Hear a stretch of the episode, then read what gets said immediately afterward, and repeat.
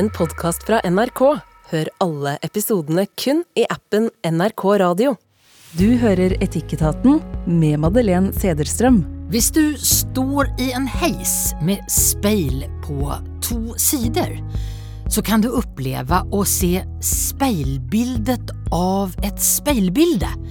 Og da ser du deg selv fremifra og bakifra i en lang, lang rekke, tills du forsvinner in i speilbildets kromming. Jeg vet ikke hvordan det er med deg, men jeg syns det er ganske coolt. Og så kan jeg ikke la være å tenke på teorien om de multipla universen. Om at vårt univers bare er ett av en uendelig rekke, og at alle valg man har gjort, ja, så finns det kanskje en Madeleine i et annet univers som har gjort et annet valg og lever et annet liv. I Etikettaten så prøver vi å undersøke valgen vi tar og värdierna som ligger bak dem. Valg som nesten aldri har ett facitsvar, men som kanskje har store konsekvenser. Ikke bare for deg selv, kanskje for et helt univers. Så velkommen til en timme med spekulering og undring. Du lyssnar på Etikettaten og i studion idag köpman Ole Robert Reitan, programleder på NRK Margrethe Rød og psykolog Peder Kjøs. Vårt dilemma nu det handlar om det här med att be och om bön. Eh, ska vi ta en liten test, kära panel, først först och främst. Eh, vi ska kolla om ni kan eran eh, Fader vår. Nu kommer Linn Skåber och så kommer hon att läsa begynnelsen eh, Fader vår och så fortsätter ni. Vår Far i himmelen. La navnet ditt helliges. La riket ditt komme. La viljen din skje på jorden slik som i himmelen. La him- himmelen La alle duer kvitre. Nei, det passa veldig bra for meg. Gi oss i dag vårt daglige Daglig brød. Det er helt riktig. Eh, Ole Robert, du er, eh, du er ganske ofte i kirken. Uh, ja, eller ofte. Det vil jeg ikke si. Men jeg er i kirken en gang iblant, og jeg trives godt i kirkerommet. Men ber du? Jeg, jeg har jo ikke noe konkret gudetro, det har jeg ikke. Jeg har ikke noe tro på at det sitter en mannlig skapning på en sky som vi kan snakke med, og som hører på oss, og som eh, eh, og som tilfredsstiller våre ønsker. Det tror jeg ikke noe på. Men eh, jeg snakker jo til høyere makter i ny og ne. Eh, helt eh, uten at jeg egentlig vet hva det er, kanskje. Og mest sannsynlig så snakker jeg jo bare med meg selv. Eh, så om det er dagdrøm eller om det er bønn, det vet jeg ikke. Men det er kanskje litt begge deler. Peder, hender det at du ber til høyere makter? Nei, det gjør ikke det. Aldri. Nei, fordi at jeg tror ikke at det finnes noen høyere makter å be til, så det er ikke noe særlig poeng. Nei. Margrethe, du, du har fått ditt ønske oppfylt. Eh, Det må du nesten fortelle om. Ja, for da jeg var liten, eh, så hadde jeg liksom akkurat som jeg hadde en slags mantra på hva jeg ville ha ut av livet, på sett og vis. Eh, Vi er tre barn. Eh, Først to gutter og en jente, som er meg, litt attpåklatt. Så tenkte jeg jeg vil ha det akkurat likt når jeg blir voksen. Jeg vil ha akkurat samme opplegget. Og så hadde jeg veldig lyst til å jobbe i barne-TV.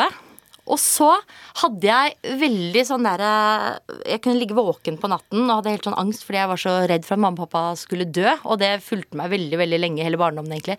Så jeg hadde også et mantra på at jeg sa hele tiden at eh, mamma og pappa må bli over 100 år. Liksom de må bli 100 år. Det var de tre ønskene jeg hadde.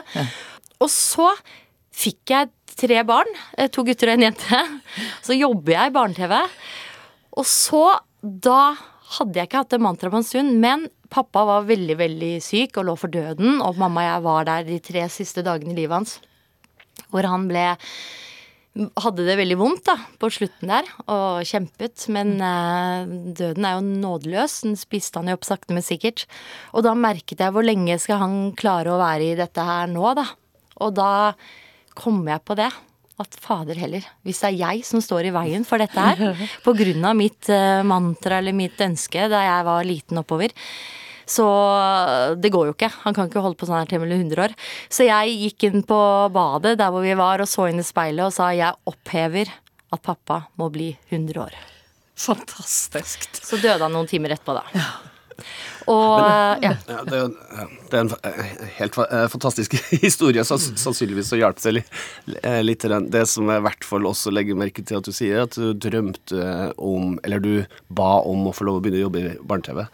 Og det er jeg i hvert fall helt sikker på, og det er sikkert psykologen enig i, at det å lære seg å visualisere og se for seg hvor man ønsker seg livet, og, og både bevisst og ubevisst bevege seg i den retningen, så ender du opp i barne-TV fordi du har du ba om å få lov å begynne å jobbe i barne-TV da du var liten, så syns jeg det er kanskje er nok, da. Og det var derfor jeg også sa at kanskje det, Jeg vet ikke om det er dagdrøm, eller om det er bønn, men det er i hvert fall en slags prosess som foregår inni deg, som driver deg i en eller annen retning. Som er viktig. Mm. Peder, er det bønn eller indre samtale? Er det, er det sant det som Ole Robert Ja, ja, det tror jeg absolutt. At, at det kan hjelpe deg med å holde fokus, liksom. Og, og lage en slags større mening rundt det du vil, og liksom styrke deg da, i troen på det du vil. Det, det tenker jeg klart det kan, liksom.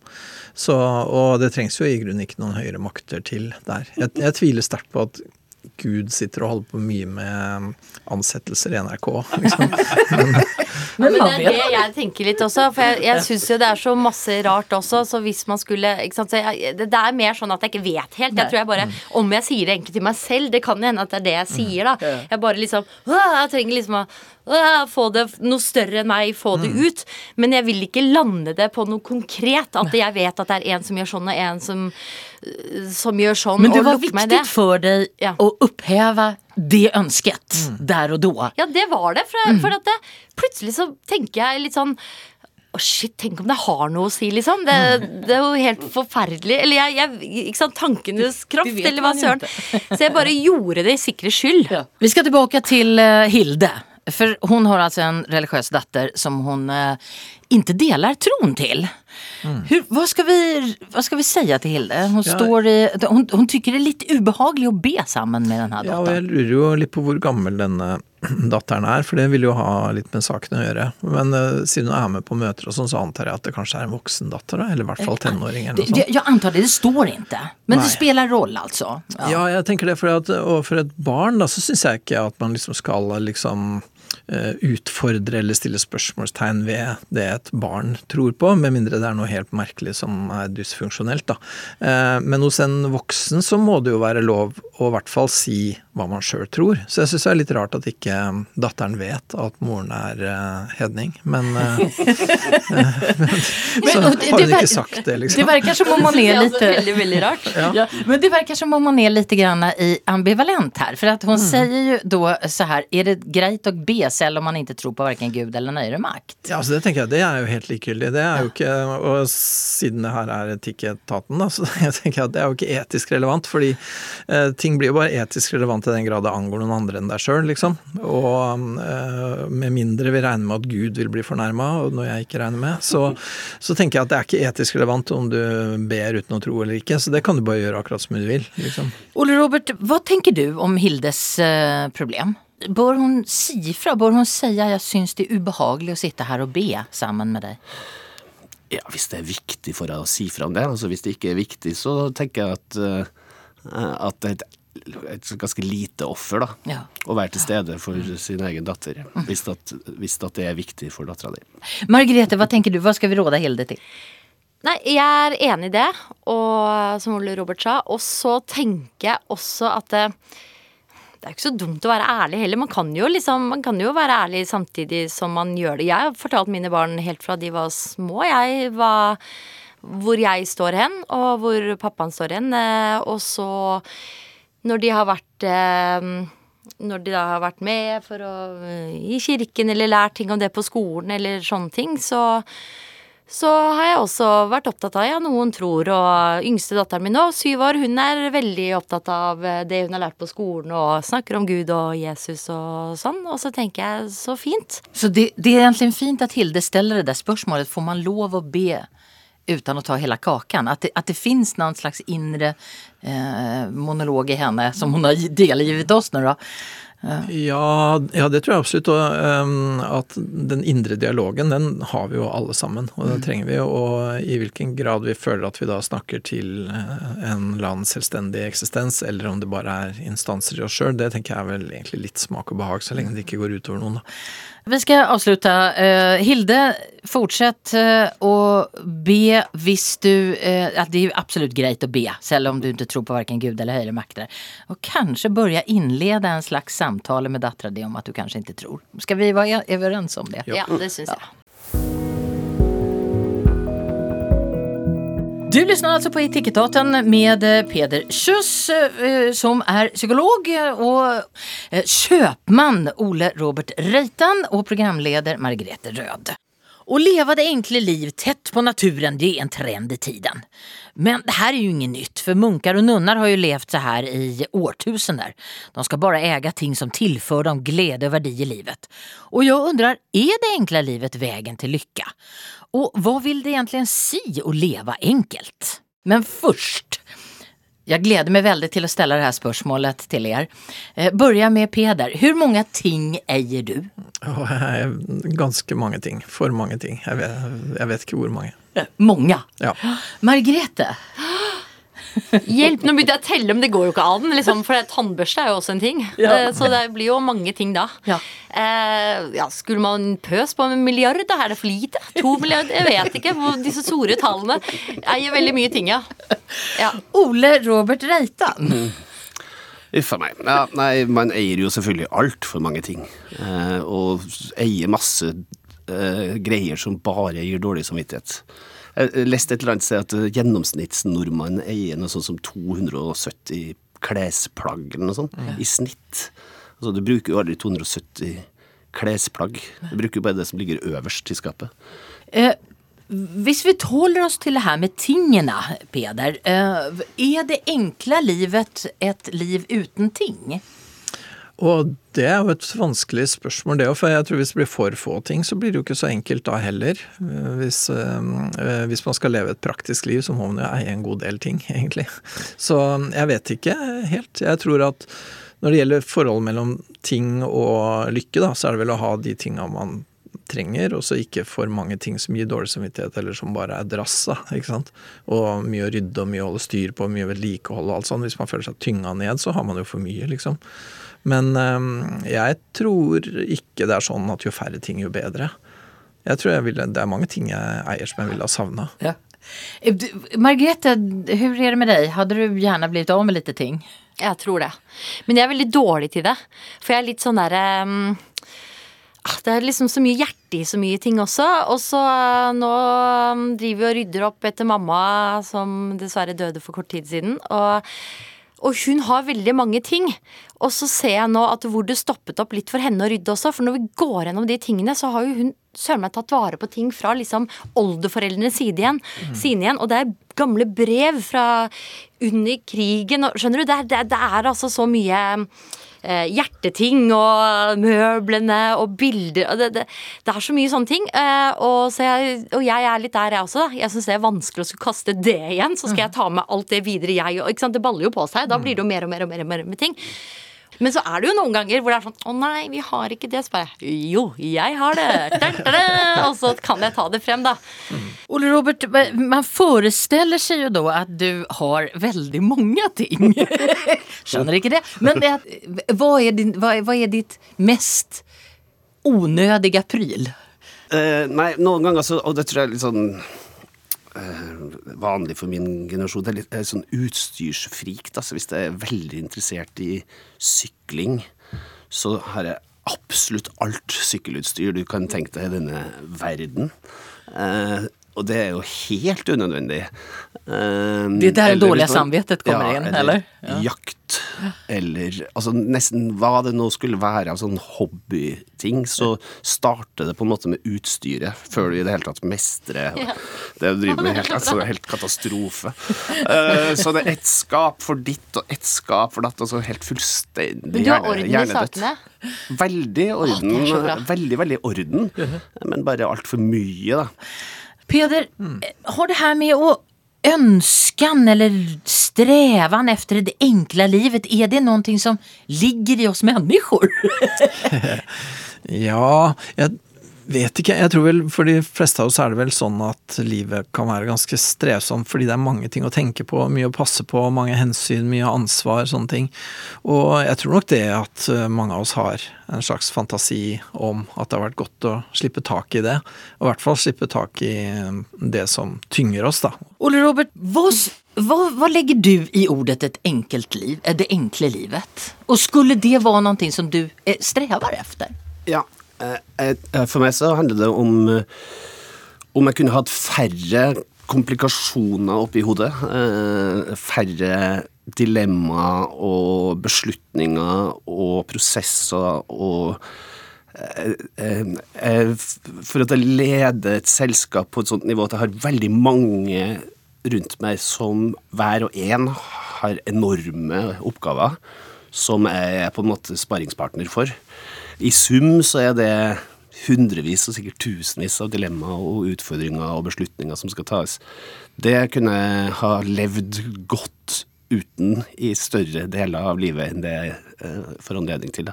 Så for meg så er det egentlig stillhet som er det jeg savner, og som jeg tror jeg liksom hadde ville ønska meg mer enn noe annet hvis at jeg skulle ha levd et enklere liv. Er det någonstans du har det, den Ja, stillheten? jeg har sånn noen ganger Jeg reiser jo så mye, og så reiser jeg da en god del mellom Oslo og Trondheim, og noen ganger så bare bestemmer jeg meg for å kjøre bil istedenfor å fly, rett og slett for å sitte i bilen i er det seks timer?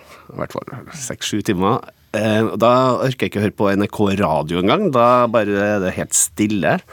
Eh, og så prøver jeg å ikke snakke i telefonen, og så kan jeg kjøre over Dovrefjell i fullstendig stillhet. Da er jeg veldig lykkelig. Peder, mm. Er, är, det- vad är enkelt liv? Jo, nei, jeg kjenner veldig veldig godt igjen det du eh, sier, eh, Robert. For det er det der med å liksom ha færre bekymringer, færre ting å tenke på. Og der tenker jeg også i den grad ting er, en, er eh, til bry, så er det jo hvis du bekymrer deg for dem. Eh, om de går i stykker eller må vedlikeholdes eller ikke brukes. alt Det er, det bekymringen som er problemet, ikke tingen.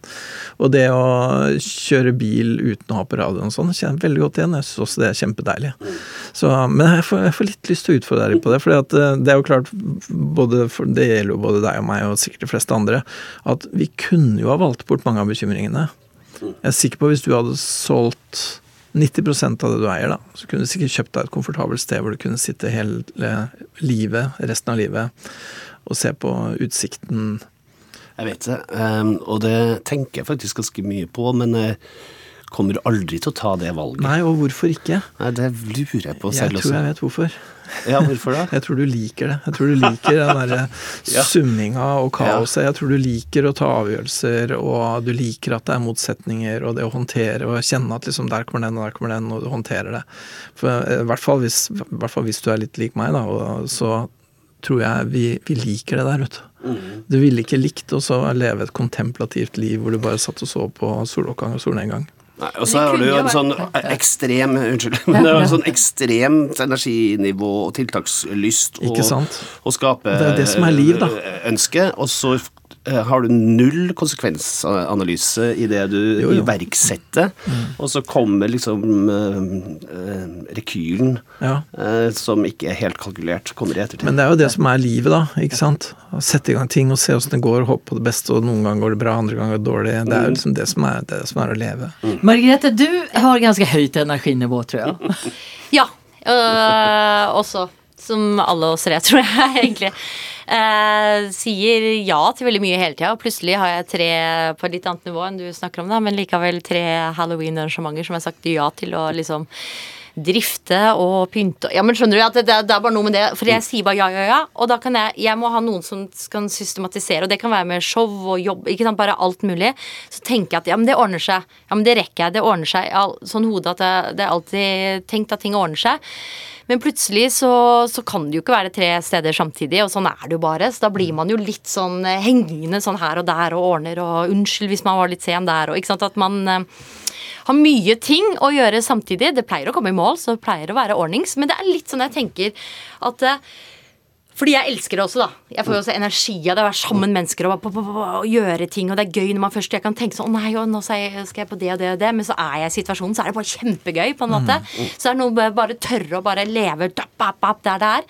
Uh, men det å kunne innimellom si sånn Nei, men da tok jeg den ene måneden bare helt pause, da. Eller to uh, måneder pause. At du bare kunne trykke på sånn pauseknapp. Merker jeg jo mer og mer kunne vært deilig å bare ta med familien til et sånn pausested. Har, har du et sånt sted? Eh, ja, vi har eh, hytta vår er et sånt sted hvor det absolutt ikke er lov til eh, Det er ikke skjermer der, det er ingenting, og det er ingen barn som spør etter noen skjermer heller. Det er sånn når vi nærmer oss hytta, så bare Nei, men da legger vi fra oss iPaden og telefonene, da. Det er liksom akkurat sånn, det er sånn hunger i alle.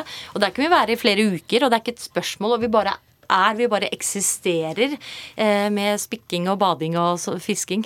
Men du, vi skal tilbake til den her leve enkle livet. Eh, og det ordet askese. Mm. For det, det, har jo vært en, en slags eh, ideal. Men hva er det egentlig? Ja, hva er askese? Askese er jo å prøve å liksom unngå å være drevet av liksom Eh, av gode og vonde for så vidt følelser, da. Eller det å på en måte å liksom unnvære eh, alle de der svingningene, og heller prøve å komme ned på et sånt stadium eller sted hvor liksom alt uvesentlig er borte, og det er bare det vesentlige igjen, og da er det stort sett egentlig en form for ro, da. Ro ved fravær er vel egentlig eh, Jeg vet ikke hvordan man vil definere askese, men det er i hvert fall ikke liksom unne seg oppturer, og da også unngå nedturer, da. og Leve mer stabilt, liksom. Men er det etisk bra? Ja, det kan du si. Eh, jeg tenker jo at um, det er jo noe etisk ikke så bra ved et ekstremt forbruk, f.eks., for som ikke er bærekraftig i forhold til natur og ressurser og andre folk og sånn. Men det er også Jeg syns at det er ikke helt etisk uproblematisk å trekke seg tilbake heller. Fordi at da bidrar man jo på en måte ikke. ikke sant? Og jeg tenker sånn som for deg som driver et kjempestort firma som du driver videre og som du føler ansvar for. Hvis du bare skulle trekke deg fra alt sammen, da er det jo som du ikke bryr deg, liksom. Og du bryr deg jo om alt dette her. Og hva hvis du bare slapp taket, da? Fordi at du tenkte at nå skal du slippe eh, både gode og dårlige sider ved det, og alle de svingningene. Det ville jo være etisk problematisk fordi det vil gå utover noen, liksom. Og hvis, hvis, man på en måte ikke deltar i samfunnet, hvis man ikke bidrar, hvis man trekker seg helt ut, så, så er man jo liksom ikke med. Da. Og jeg synes jo Andre folk har en viss rett til at du bidrar. Det, tenk hvis du er forelder, f.eks. For eksempel. jeg syns f.eks. at Buddha er en veldig problematisk person. For han eh, hadde kone og barn, og så gikk han fra dem for å sitte under et tre og tenke på ting. Eller egentlig for å sitte under et tre og ikke tenke på ting. Eh, og det, det er jo Jeg tenker det er etisk høyst ugreit. Ja. Jeg har hørt sånn um, Du må først elske deg selv for å være i stand til å elske mm. andre. Uh, jeg ble bare aldri helt ferdig med å elske meg selv. Uh, og det er liksom sånn uh, Og det er veldig det, kan, det kan ta litt tid. Ja, det tar litt tid.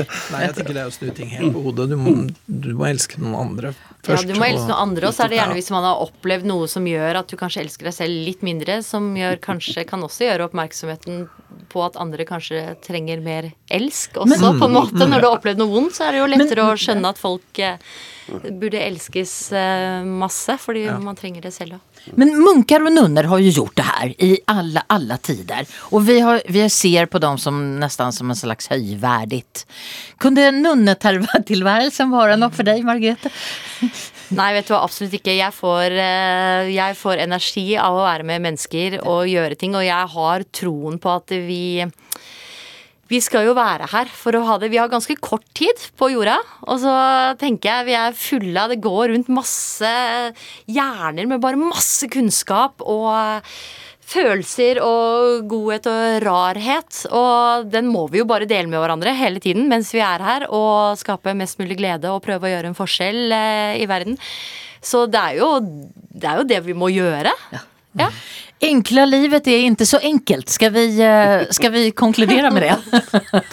det enkle livet er ikke enkelt, og det enkle livet er ikke nødvendigvis etisk høyverdig heller. Takk så mye, Peder. Det var veldig bra. Peder Kjøs, filosof. Øvrig i panelet eh, kjøpmannen Ole Robert Reitad og programleder eh, Margrethe Rød.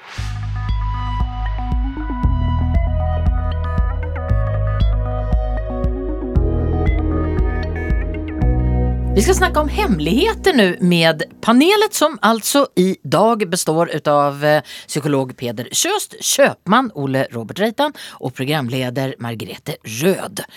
Eh, Vi har fått ett eh, dilemma ifrån Theodor som skriver så här.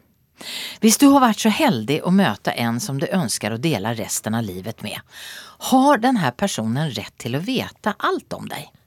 En viktig del av det å være livspartner er jo åpenhet og ærlighet, men jeg har en hemmelighet som jeg ikke vil dele med noen.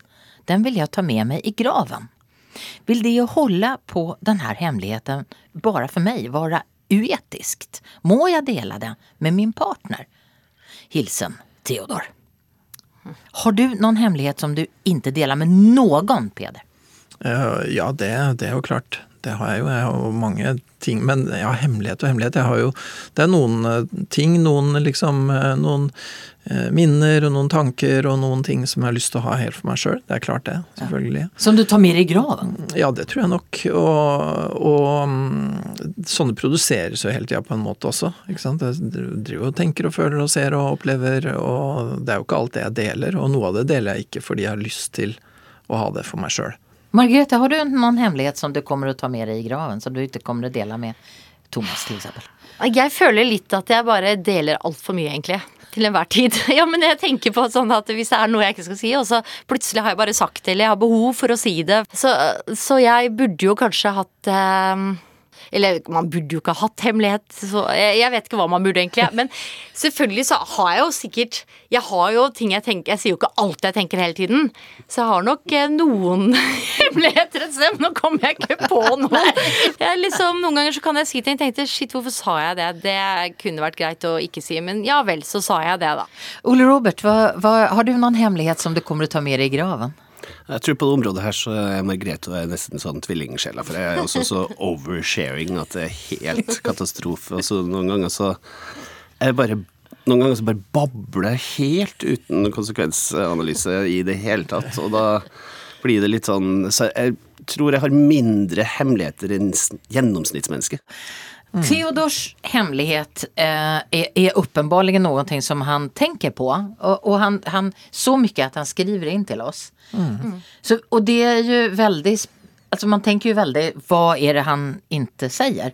Men vad, har, har han rätt till att ta med sig den i graven, den hemligheten? Ja. Margrethe? Det har han absolutt, selv om jeg blir veldig nysgjerrig på hva det er du tenker. Kan det var snill skrive en tekstmelding til meg om det?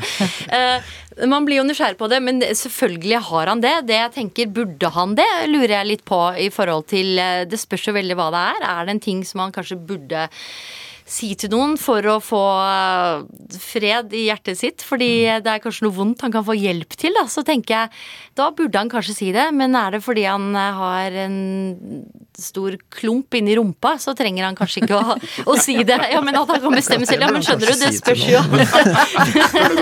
Ja, hvis det er svulst, ok, hvis det er noe sånn, hvis det er et eller annet han liksom Ja, dere skjønner hva jeg mener. Men er det viktig, er det viktigt att Kanskje dela det? nettopp da burde han si Det, hvis det er noe som er så viktig at han skriver in til oss, bör han dele det med sin livspartner? Er det viktig å dele det i et forhold? Ja, igjen, hvis det, er noe veldig, hvis det er noe han kan få hjelp til, og gjøre at han på en måte får et bedre liv, kanskje det også blir et bedre liv i samsvarer, samsvaret med sin livspartner, for det er noe han grubler på, noe vondt han har, som kan løsne litt, litt opp. Så, så tenker jeg at det er fint. Er det noe han kan få hjelp til? Men eh, det spørs jo så innmari hva det er. Det er det som er vanskelig. Ole Robert, hva tenker du om Theodors Nei, jeg blir sittende og tenke sånn um, Det her er et ehm, dilemma hvor du må ta hensyn til hvilke konsekvenser det har for andre at du tar hemmelighet med deg i, i grava, da, ikke bare deg selv. Altså, din far er ikke egentlig din far, eller eh, altså, eh, altså livsdefinerende hemmeligheter som du sk- sk- skjuler for andre som åpenbart er liksom eksistensielle for den det gjelder. Mm. Da har du et etisk eh, ansvar for å, å, å rydde opp i det, jeg si, da. Jeg er jo, ikke i min fars generasjon, men i mine besteforeldres generasjon, da er vi jo fra Sokndalen oppe i altså rett sør for Trondheim. Der var det jo ingen som snakka om noen ting. Alle hemmeligheter var jo hemmeligheter hele livet. og hadde jo en en eh, Der var det jo blant annet liksom Ja, der kunne vi gå tilbake til homofili. da. Leve hele livet i, i, et, i hemmelighet, på et vis, uten å kunne fortelle til noen. Og ingen andre kunne snakke om det heller, for det var liksom en hemmelighet, en kollektiv hemmelighet. på et vis da. Så jeg tenker visst at det her er et eksistensielt spørsmål. Det gjelder andres mentale helse eller andres liv i så sterk grad, eh, så må du Så er du forplikta til å dele den hemmeligheten før du går i grava. Peder, Nei, jeg tenker i samme retning som de andre. At det vil jo komme veldig an på om det angår noen på noen viktig måte. Og sånn selvfølgelig sånne kjempeting som at liksom eh, At faren din er ikke den du tror. Sånt. Det er jo nokså vesentlig og nokså viktig. Eller hvis du har en partner og du har en arvelig sykdom f.eks., så må du jo si det. sant? Sånn at den andre kan ta informerte valg i forhold til det. Um, så det er jo det det går på, da, tenker jeg. Hvorvidt det går ut over andre. Og så er det også um, interessant det der med at hva hvis det ikke går ut over noen andre, men det går ut over deg å holde det hemmelig. Har du da egentlig en rett til å dele det, hvis det, hvis det vil være en belastning for andre? Og det tenker jeg at det føler jeg at det må det nesten være. Man må nesten ha lov til å belaste andre med noe som er en stor belastning for deg sjøl, liksom. Eh, det syns jeg nok. For det kan Så- man komme uttrykt på mange andre måter òg. Ja, det, det kan ja, jo det kan jo- plutselig eksplodere på en eller annen feil måte. Det kan måte. bli veldig rart, eller det kan bli problematisk på forskjellige måter, da. Så, men eh, ja. Men det, det fins absolutt ting som det vil være etisk problematisk å holde for seg sjøl. Men, men, men det, det kommer også an på, for det er stort sett da, en hovedting der er for å unngå å skade andre folk, eller ja, unngå å holde hemmelig på en måte som uh, gjør at folk tar valg som de ellers ikke ville tatt og sånn. Men en annen ting er jo å holde hemmelig Hva hvis det er noe positivt å holde hemmelig, da? Hva hvis det er en mulighet, f.eks.? Hva, hvis du- hva hvis du vet at under huset ditt så er det begravd en sjørøverskatt, liksom? Ja, og så har du da en plikt til å Det er så si dårlig det? gjort å ikke si det! Ja, men, men du har ikke noe plikt til å si det. Men bortsett fra hvis liksom de som bor i huset da plutselig blir fattige, f.eks., vil du da ha en plikt til å si det? Ikke sant? og så tenker jeg, og så kan man holde på, da. Ikke sant? Men, eh, men jeg syns det, det, det er jo et interessant så, så hvis han vet om at det er en sjørøverskatt, f.eks., så eh, vil det påvirke forholdet. Hvis hun får vite at han egentlig er kjemperik, f.eks., noe hun ikke har visst, vil hun da elske ham på en annen måte? Forutsatt jeg bare at det var en hund, da. Men ja. ja. Ja, ja, ja precis. Eh, vi, vi, vi, ska, vi ska gå vidare. Eh, Du kan, han kan få behålla den her hemligheten ner i graven Hvis det ikke angår noen. hvis det ikke angår egentlig? egentligen. Och hvis det inte är en skatt, en sjörövarskatt, Da kan han si til meg. då kan han säga ifrån. ja, precis. Jag hade egentligen lust att, jag ska, jag ska förfölja det, för att det, en av de sakerna som har varit mest hemlighetsfullt är ju det här med homofili till exempel. Vad, vad om han till exempel lever tillsammans med en kvinna men är egentligen homofil? Kan han ta med sig det i graven? Ja, det tenker jeg jo igjen kommer jo an på eh, det, det, Hvis det går ut over den du lever sammen med, da. Eh, og, og der Jeg tenker vel at opp gjennom historien så finnes det nok utrolig mange eksempler på akkurat det der. Og hvor det har vært eh, Hvor det har gått rimelig greit, og hvor det slett ikke har gått greit. Det tror jeg det finnes mange eksempler på. Så det er ikke noe så enkelt svar på det heller.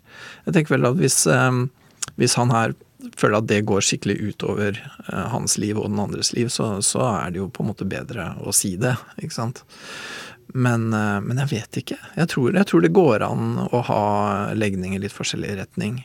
eh, Og at det ikke er så entydig. Og at det ikke er alt der som man trenger å flagge heller.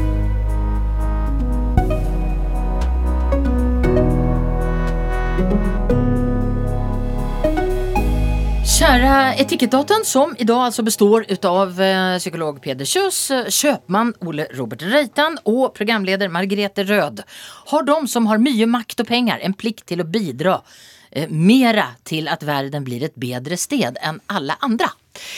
Ole Robert, spørs hva det defineres som å bidra mer. Man må i hvert fall bidra proporsjonalt, så det vil jo da kanskje bety at man må bidra mer. Margrethe.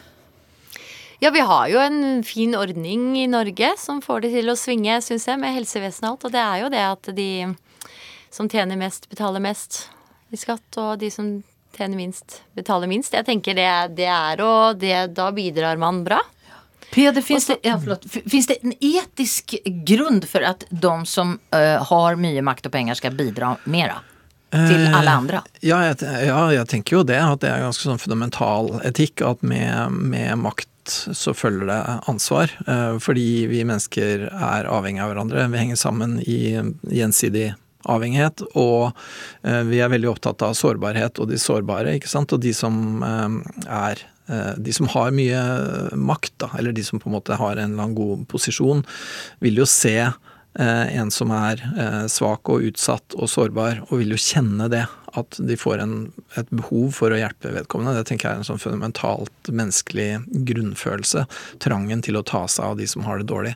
Margrethe, du har jo jobbat jättemycket med ungar. Ja.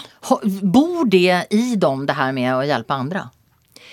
Ja, det vil jeg si. Man sier jo ofte at ja, man får ikke empati før sånn og sånn. Det tenker jeg er litt feil. Altså, man blir, er født med å gjenspeile. Man gjenspeiler seg jo på mennesker eh, rundt seg hele tiden. Og eh, man har jo perioder i livet selvfølgelig hvor man er mer egoistisk eh, som liten. Tenker mer på seg selv fordi man utvikler seg så voldsomt. Men det å eh, hjelpe andre som er nede, er en eh, Med mindre Jeg tenker det er en iboende ting altså, i mennesket. Og så handler det om denne tilhørigheten da, oppi det hele. Når det da begynner å flokke seg til, og man eh, kjemper litt om å få en plass i samfunnet, eh, så, så kan det jo kanskje være at man eh, At eh, Hva skal man si Å snakke hverandre ned. Det er ikke Ok. Det jeg prøver å si er eh, Det finnes nesten ikke en Det som er veldig sånn Man kan føle veldig sterkt samhold også å snakke dritt om en annen, f.eks. Da, da Å, du òg, ja, fy fader. Og, ja, så har man den dritten gående sammen, og så blir man så veldig sterkt bånd til den man snakker dritt om den siste med. Det er det nok mye av. Og da, men da snakker man om sånn derre å overleve selv, være med den og den gjengen selv. Kriger voksne. Det handler jo om det også. Det er jo liksom det derre fellesskapet, ha felles fiende og alt det der. Men eh, at man likevel inni kroppen eh, ser at eh, folk eh, føler smerte hvis man ser folk har det vondt, det har nok de fleste uansett. Mm. Ole Robert, du eh, har jo eh, muligheten og du har både makt og penger. Kjenner du det, det som de prater om nå? Absolutt, på alle mulige måter. Og så er det jo, jeg har i hvert fall sagt det de siste ti årene, så er det for min del den aller, aller viktigste grunnen til å stå opp om morgenen. At jeg kan være med og gjøre noe som er bra, da. Og benytte denne muligheten når man har et eh, så stort selskap med et så viktig samfunnsoppdrag, så bruk det til noe fornuftig, noe som gjør at jeg kan sove godt om natta. og Det er også en det er liksom viktig del av min hverdag er å investere i god nattesøvn, egentlig. Og det, og det handler om å gjøre de rette tingene. Du driver med matproduksjon, matdistribusjon, matkonsum, matavfall. Eh, Da driver du med klima i veldig stor grad. 30-40% av jordas samla klimagassutslipp kommer fra matverdikjeden. Eh, Du driver med mange, mange tusen arbeidsplasser. Jeg legger til rette for at folk kan komme inn i arbeidslivet for første gang, eh, som jeg, som jeg syns er veldig viktig. I Rema 1000 Norge så er det over 80 forskjellige nasjonaliteter. For det vi representerer alle, alle religioner og alle kjønn eh, i, i den arbeidsstokken. Men du er jo en av de som spiser kirsebær med, med de som har makt og penger. Eh, og så alle de her eh, serierna, tv-serierna som vi ser, så er de jo utrolig lite sympatiske. Ja. Ja. Hva, hva tenker du når du ser då Exit til eksempel, og de her andre? Eh, For det første så syns jeg Exit er ekstremt underholdende. så det hadde jeg veldig morsomt med det. Eh, Men det, jeg håper jo ikke folk sitter igjen med et inntrykk av at det handler om finansbransjen i Norge, for det gjør det jo Men det på tror jeg ingen gjør. Ja, da, jeg eventuelt oppklarer den misforståelsen. Det her handler jo om fire kriminelle eh, som, eh, som benytter noen kanskje finansielle verktøy til å stjele penger fra andre. Eh, eh, det som økonomien gjør, er jo å skape samspill mellom aktører i samfunnet som gjør at vi skaper verdi, som gjør at vi skaper skatteinntekter, som gjør at vi skaper Men- arbeid, arbeidsplasser osv. Så, videre. så Men fins det ikke noen som er som Exit-folket? jo, også, jo, og jeg vil si at i mitt voksne liv så har det forandra seg ganske mye. Jeg er så heldig å få lov å være på World Economic Forum for eksempel noen ganger, og, vært, eh, og kan se eh, at det har forandra seg, da. Fra holdt på å si greedy good i 1983 til eh, i dag der jeg vil si alt egentlig i utgangspunktet handler om en eller annen form for eh, forvaltning av et samfunnsansvar. Blev, Eh, blev, ni, blev, du, blev du beroliget nå, Peder? Kapitalistene er gode nu Jeg för vet, jeg vet så utrolig lite om det der, og så tenker jeg jo at eh, de fleste folk er gode, egentlig. Så, og det, jeg, synes, jeg tror også det at de aller fleste har en naturlig tendens til å veldig gjerne ville ta ansvar. Men så oppstår det jo da, eh, som Margrethe sier, og det er interessekonflikter og knappe ressurser og sånn, ikke sant. Og da må man av og til prioritere, og noen ganger så prioriterer man seg sjøl også, ikke sant. Og jeg tenker vel eh, eh, Det vil vi jo helst ikke, at folk skal prioritere seg sjøl altfor mye. Så derfor så eh, Vi vil helst se på oss sjøl som gode og i balanse, og så syns vi det kan være kult å se på sånn som Exit og Succession og sånn, hvor folk er totalt ute av balanse, og hvor folk er ekstremt egoistiske og sånn. Um, og jeg tror, jeg tror kanskje ikke folk tror at finansbransjen er sånn, men jeg tror nok at mange av oss liker å tenke at det er en del folk som er sånn, for da er de dårligere enn oss, på en måte. ikke sant? Og så er det ganske gøy, eh, for det her er ganske morsomt. I Trondheim nå så har vi brukt mye tid og penger og lagt mye kjærlighet i, i et eh, hotell som ligger nede i sentrum der, som folk har blitt glad for at vi har bygd om og pusset opp og sånn. Og da sier folk ja, men dere tjener vel ikke noe penger på Britannia Hotel? Så sier vi nei, det blir jo helt umulig. Det er jo Ja, det er bra. Hvorfor er det bra? Fordi de vil ikke at dere skal tjene penger på det det. er kjempebra at vi ikke tjener penger på det. Men det, Men du, må- jag er liksom bara, ja. jag måste bara komma, för att, eh, då, då måste bara för att du har ju, ni har använt cirka en miljard då tror jag på Britannia, eller? Något? ja, s- sikkert. Sikkert, Ja. jag vet inte hur mycket då. Hade du använt en miljard på Britannia, Margrethe? Om du hade haft en miljard, vad hade du gjort? Jeg må jo si at man har jo, det det som er det fine med at vi er forskjellige mennesker da, og har forskjellige ting going on i hjernen vår. Så det er fint at uh, han uh, jobber for det, men jeg er jo ikke noe Men hva hadde du gjort med en milliard? ikke, ja, hva jeg ville gjort med en milliard? Oh my god! Eh, ja. Um, da ville jeg Hvor skal jeg begynne? Kjøpt meg en ny dørmatte. Og så ville jeg Nei da. Jeg, jeg, jeg tenker jo sånn med en gang litt sånn alt mulig. Ting som kunne gagnet familien og meg, og så ting som kunne gagnet flere. Jeg er veldig opptatt av Nå snakker vi jo veldig om å bidra og sånn, og rettferdighet og sånne ting. Så eh, jeg tenker på alle de som lever under fattigdomsgrensa. Jeg tenker på alt det små vi gjør når vi samler inn julegaver og mat og hver jul og prøver å få det til fra skoler og barnehager og alt mulig. Lille små detaljer. Hadde jeg hatt en milliard, kunne jeg gått større ut da. Og lagd eh, mer system rundt det. Rundt Fattighuset, flere byer, flere områder. og eh, ikke vært sånn at de måtte stått i kø i eh, fem timer med familie, hele familien sin for å få bli mette den dagen. At de kunne ha matpakke på skolen og bli mett på skolen. Vi krever jo at de skal bli så smarte og ut og få så bra karakterer, men eh, det er jo ikke alle som, eh, som er sjanse... Noen er jo sjanseløse når de ikke har mat innabords når de skal sitte og lære på skolen. Eh, Så det er egentlig den største tanken jeg får i hodet, da, hvis jeg skulle hatt en milliard. Peder, hva hadde du gjort med en milliard? Nei, jeg vet ikke. Nesten alle sier jo at de ville gitt bort det meste, men i praksis så gjør man jo ikke det. Nå er jo en milliard forferdelig mye penger, da. milliard, da kan du gjøre begge er deler. Ja, det kan man, men det, det er veldig vanlig å si at hvis man har vunnet en million eller to millioner eller ti millioner, så ville man gitt bort en god del av det, men de fleste gjør ikke det, da. De fleste finner gode formål til seg sjøl. Så eh, jeg, jeg syns det er skikkelig, skikkelig vanskelig å vite hva jeg ville gjort hvis jeg hadde så mye penger. Men det, jeg tror jo egentlig ikke så mye på filantropi, da. Jeg tror mer på skatt.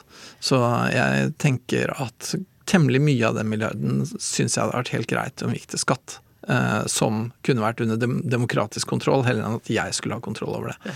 Og det tror jeg kanskje er noe av problemet. Veldig mange av de ultrarike da, har ikke så lyst til å betale så mye- mye skatt. De har lyst til å holde på med filantropiske prosjekter som er deres egne, under deres egen kontroll. Og det å ha det under demokratisk kontroll, det har de ikke så lyst til. Og det syns jeg er et problem. Ja, Ole Robert.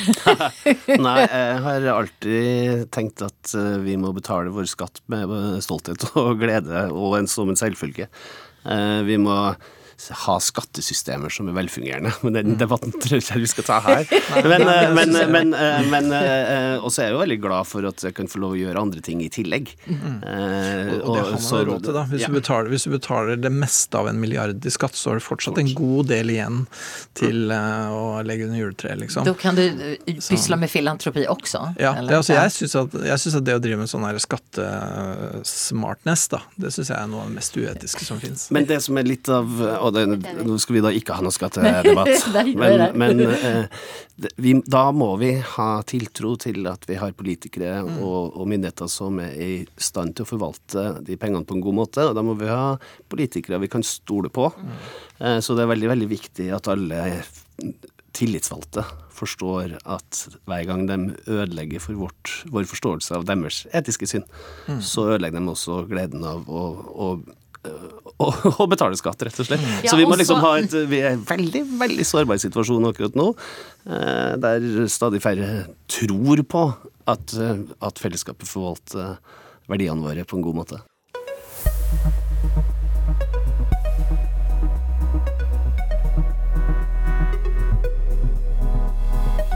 Nå skal vi til eh, de her dødssynderna som vi har snakket om. For i katolsk lære så snakker man jo altså om hovmod, grådighet, begjær, misunnelse, frosseri, vrede og latskap. Og i noen tidligere program så har vi pratet om begjær og hovmod. I dag skal vi prate om misunnelse. Ole Robert Reitan, har du vært misunnelig noen gang? Eh, Nei, jeg har ikke naturlig i meg å være misunnelig. Eh, jeg har lært eh, av min far at man skal unne og beundre. og at den gleden over andres suksess veldig ofte også er med å bidra til din egen. Så veldig, veldig sjelden kjent på misunnelse. Jeg tror ikke jeg har det naturlig i meg. Nei. Har du noen gang kjent? Nei, jeg, altså eh, litt sånn tulltøysete kan Jeg si at liksom, jeg jeg er litt misunnelig på dem som spretter opp klokka seks om morgenen og løper tolv kilometer før, før eh, de spiser havregrøten sin og er på jobb halv åtte, liksom. Det, det syns jeg er litt irriterende at jeg ikke fikk det genet, for det hadde jeg hatt glede av. Det tror jeg Men mange, det, liksom- mange, mange. Så det kan jeg være, men jeg vil ikke kalle det misunnelse. Jeg er jo lettet over at jeg ikke har det genet, jeg, bare for å skyte inn det. Jeg har sovet og slappet av litt lenger. Peder, misunnelig, har du vært det? Ja, det, det har jeg nok. Eh, Og, og det Misunnelse er jo det er en forferdelig følelse. eh, Og, men misunnelse er også et veldig stygt navn på en følelse. Og jeg tror at det navnet gjør at det er litt vanskeligere å vedkjenne seg det. For misunnelse betyr liksom misunne, altså at man ikke unner. Og man kan jo på en måte som Jeg har eksempel en, jeg har en eh, veldig god venn som er utrolig talentfull til å tegne og male og sånn. Han er kjempe, kjempeflink til det. Og jeg har også drevet og tegna litt, og han er mye flinkere. Og det er klart, når jeg ser det han eh, driver med, så har jeg mange ganger tenkt at jeg skulle ønske at jeg var så flink. Men det er jo ikke det at jeg misunner Jeg unner jo han det, men jeg skulle ønske jeg også hadde det. ikke sant? Så det er mer det. Jeg, og hvis det hadde vært sånn at jeg kunne ha på en måte tatt det fra han og fått det sjøl, det ville jeg jo aldri ha gjort. ikke sant? Det ville jeg virkelig ikke. Men jeg skulle ønske at jeg også hadde det. Og aller helst vært enda flinkere. Det hadde vært enda bedre, selvfølgelig, men det, det kommer ikke til å skje. Men det er en sånn følelse, den følelsen misunnelse, da, den tror jeg vi må vedkjenne oss. Den har vi, liksom. Um, en variant som i hvert fall er lett å kjenne igjen for mange, er sjalusi. ikke sant? Sjalusi er en form for misunnelse, hvor du misunner er, Du vil gjerne ha noens kjærlighet, men den personen gir den kjærligheten til noen andre. Det føles helt forferdelig, ikke sant. Og dette er, liksom, det er jo Kain og Abel-følelsen dette her, da. ikke sant? Hvis du tenker Adam og Evas to sønner, Kain og Abel, hvor den ene er jordbruker og den andre eh, er jeger, og så ofrer de, og Gud vil bare ha kjøttofre og ikke grødeofre. Og da blir jo eh, Kain sint og dreper Abel, som hadde Guds gunst. da, ikke sant? Og jeg tenker Den historien er med oss, og det er, det er historie nummer to i Bibelen. liksom. Den første er eh, Adam og Eva. Det første, det første som skjer utafor Edens hage, egentlig, er misunnelse og et drap. Det er det første, liksom. Så det sier noe om hvor sentralt den følelsen er. da, At alle mennesker i hele verden kjenner igjen det, og må på en eller annen måte eh, kjempe mot det. da. Men er det også en drivkraft? Eh, I beste fall så er det en drivkraft hvis det blir sånn Hvis, hvis, hvis eh, Kain da hadde tenkt at jeg vil bli like eh, flink som Abel, så hadde det vært en drivkraft. Men han tenker ikke det. Han tenker Gud elsker Abel, ikke meg. Jeg slår ihjel ham. Ja. Og, det, og det er jo to helt forskjellige ting. Ja. Så, så det å gjøre det til en slags drivkraft, da, og se på det som forbilder og som idealer og sånne ting, og det er ikke så lett. For hvis du skal se et ideal, så måler du deg sjøl opp mot det idealet, og du må innse at du sjøl er dårligere enn det idealet. Det er som eh, Jeg spiller litt grann gitar, og så ser jeg sånne videoer av sånne her, en eller annen sånn japansk unge på ni år som bare liksom eh, Ok, jeg skal slutte å spille gitar. Og det, det er jo liksom er det en drivkraft? Er det misunnelse? Egentlig er det ingen av delene. Egentlig er det bare følelsen av at jeg kommer aldri noen gang til å komme dit. Jeg kan like å gi opp. Liksom. Margrethe, det er misunnelse. Ja. ja, jeg tenker jo eh, at jeg har kjent på misunnelse. Sånn eh, karrieremessig, eksempel. Og det har vært en veldig drivkraft for meg. Da, men da har jeg samtidig hatt eh, en magefølelse og tenkt at jeg kan søren meg få det til, jeg også. Skjønner du? Selv om det har vært en smerte i hjertet og en klo som bare har klort opp hjertet mitt, så har jeg samtidig liksom bare hatt en ildklump i magen, som har vært en god ildklump, men som har, har liksom sagt at eh, ja, men søren heller, du må bare ikke gi deg. Du må bare ikke gi deg, og du må stå på, stå på, stå på og gjøre det. Eh, så det, da har det jo vært en drivkraft. Mm. Eh, og uten den så kan det hende at eh, Da hadde jeg nok ikke ja, Men, men, hadde du, men, men hadde du misunnet? Altså, misunner ja, du? at det, jeg vet ikke, det er ikke så ofte jeg misunner sånn derre Nei, jeg vil ikke at du skal ha det. Jeg heller. Jeg tenker jo at Å, det er fint at eh, du har det. Men det, det er så vanskelig, for nå sitter jeg her og lurer litt på sånn For det er misunnelse, og så er det sjalu. Og det er, vi har bare de to ordene som bare er veldig sånn eh, negativ ladet, da. Så eh, vi burde jo Vi må jo ha et ord som eh, vi Et må, nytt ord. Ja, vi burde egentlig finne på et ord her og nå, liksom. Et ord som er sånn misunnelse uten uh, arget. Misunnelse som bare er sånn Sånn som du sa, å, så kult at du er så god. Hadde vært gøy å være like god, men Ja. jeg Jeg mener at det er å unne. da. Det er jo å unne. Medunnelse. Medunnelse. Du unner og beundre. Altså, du lar det brukes som en drivkraft. da. Ja, men ligger det der også, når man sier unne, ligger det også i den der at Men jeg ville også vært der. Ja, ligger det der? tenker, ja eller ja. positivt lada Jeg vil også være der, da. For da Mm. det, jeg vil si, det der ser jo helt rått ut. Sånn vil jeg også være. Eh, Det er jo inspirasjon. Ja. Ja, inspirasjon Sjalunne, kanskje det skal være Sjalunne. Ja. Men har dere det på svensk? Avundsjuk heter det på svenska. Da er man sjuk av avund. Jeg Jag har fundert litt funderat lite, ja, precis, jag har funderat lite på om det är ett bedre ord. Men avundsjuk, du är alltså sjuk av avund. Ja, jag tror inte det är ett bedre ord. Jag tror inte det. Ikke unne var egentlig ganske fint. Nå smakte jeg litt på det mer. Ja. Unne er fint. Og det unner jeg deg, liksom. At det går bra, det unner jeg deg. Ja, der ligger det. Der kan det ligge misunnelse òg, men det ligger liksom Misunnelse! Jeg unner. Ja. Vi, vi konkluderer med att missunnelse så det er veldig positivt. Um, uh, nei, misunnelse i betydningen 'jeg vil ikke at du skal ha det, jeg vil ha det isteden', det tror jeg vi kan si at stort sett er en dårlig følelse, ja. Helt enig. Og så tror jeg at vi er så heldige at vi lever i et samfunn der de aller fleste faktisk bruker mer tid på å unne hverandre enn å misunne. Tusen hjertelig takk for at ni var med i Ticketdata. Veldig hyggelig å være her. Er veldig gøy. For oss. Etikettaten är slut för idag og vi har som vanligt ikke gitt noen exakta svar på de etiske utfordringene som vi har fått. Men vi har fått et helt nytt ord, medunne, eller bare unne.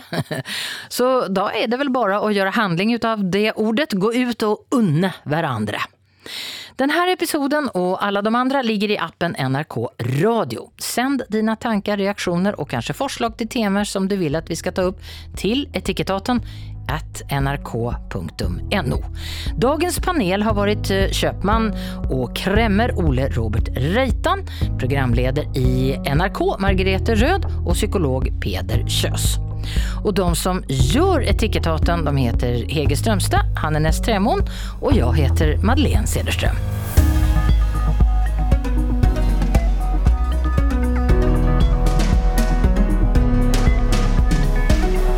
Du har hørt en podkast fra NRK. Hør alle episodene kun i appen NRK Radio.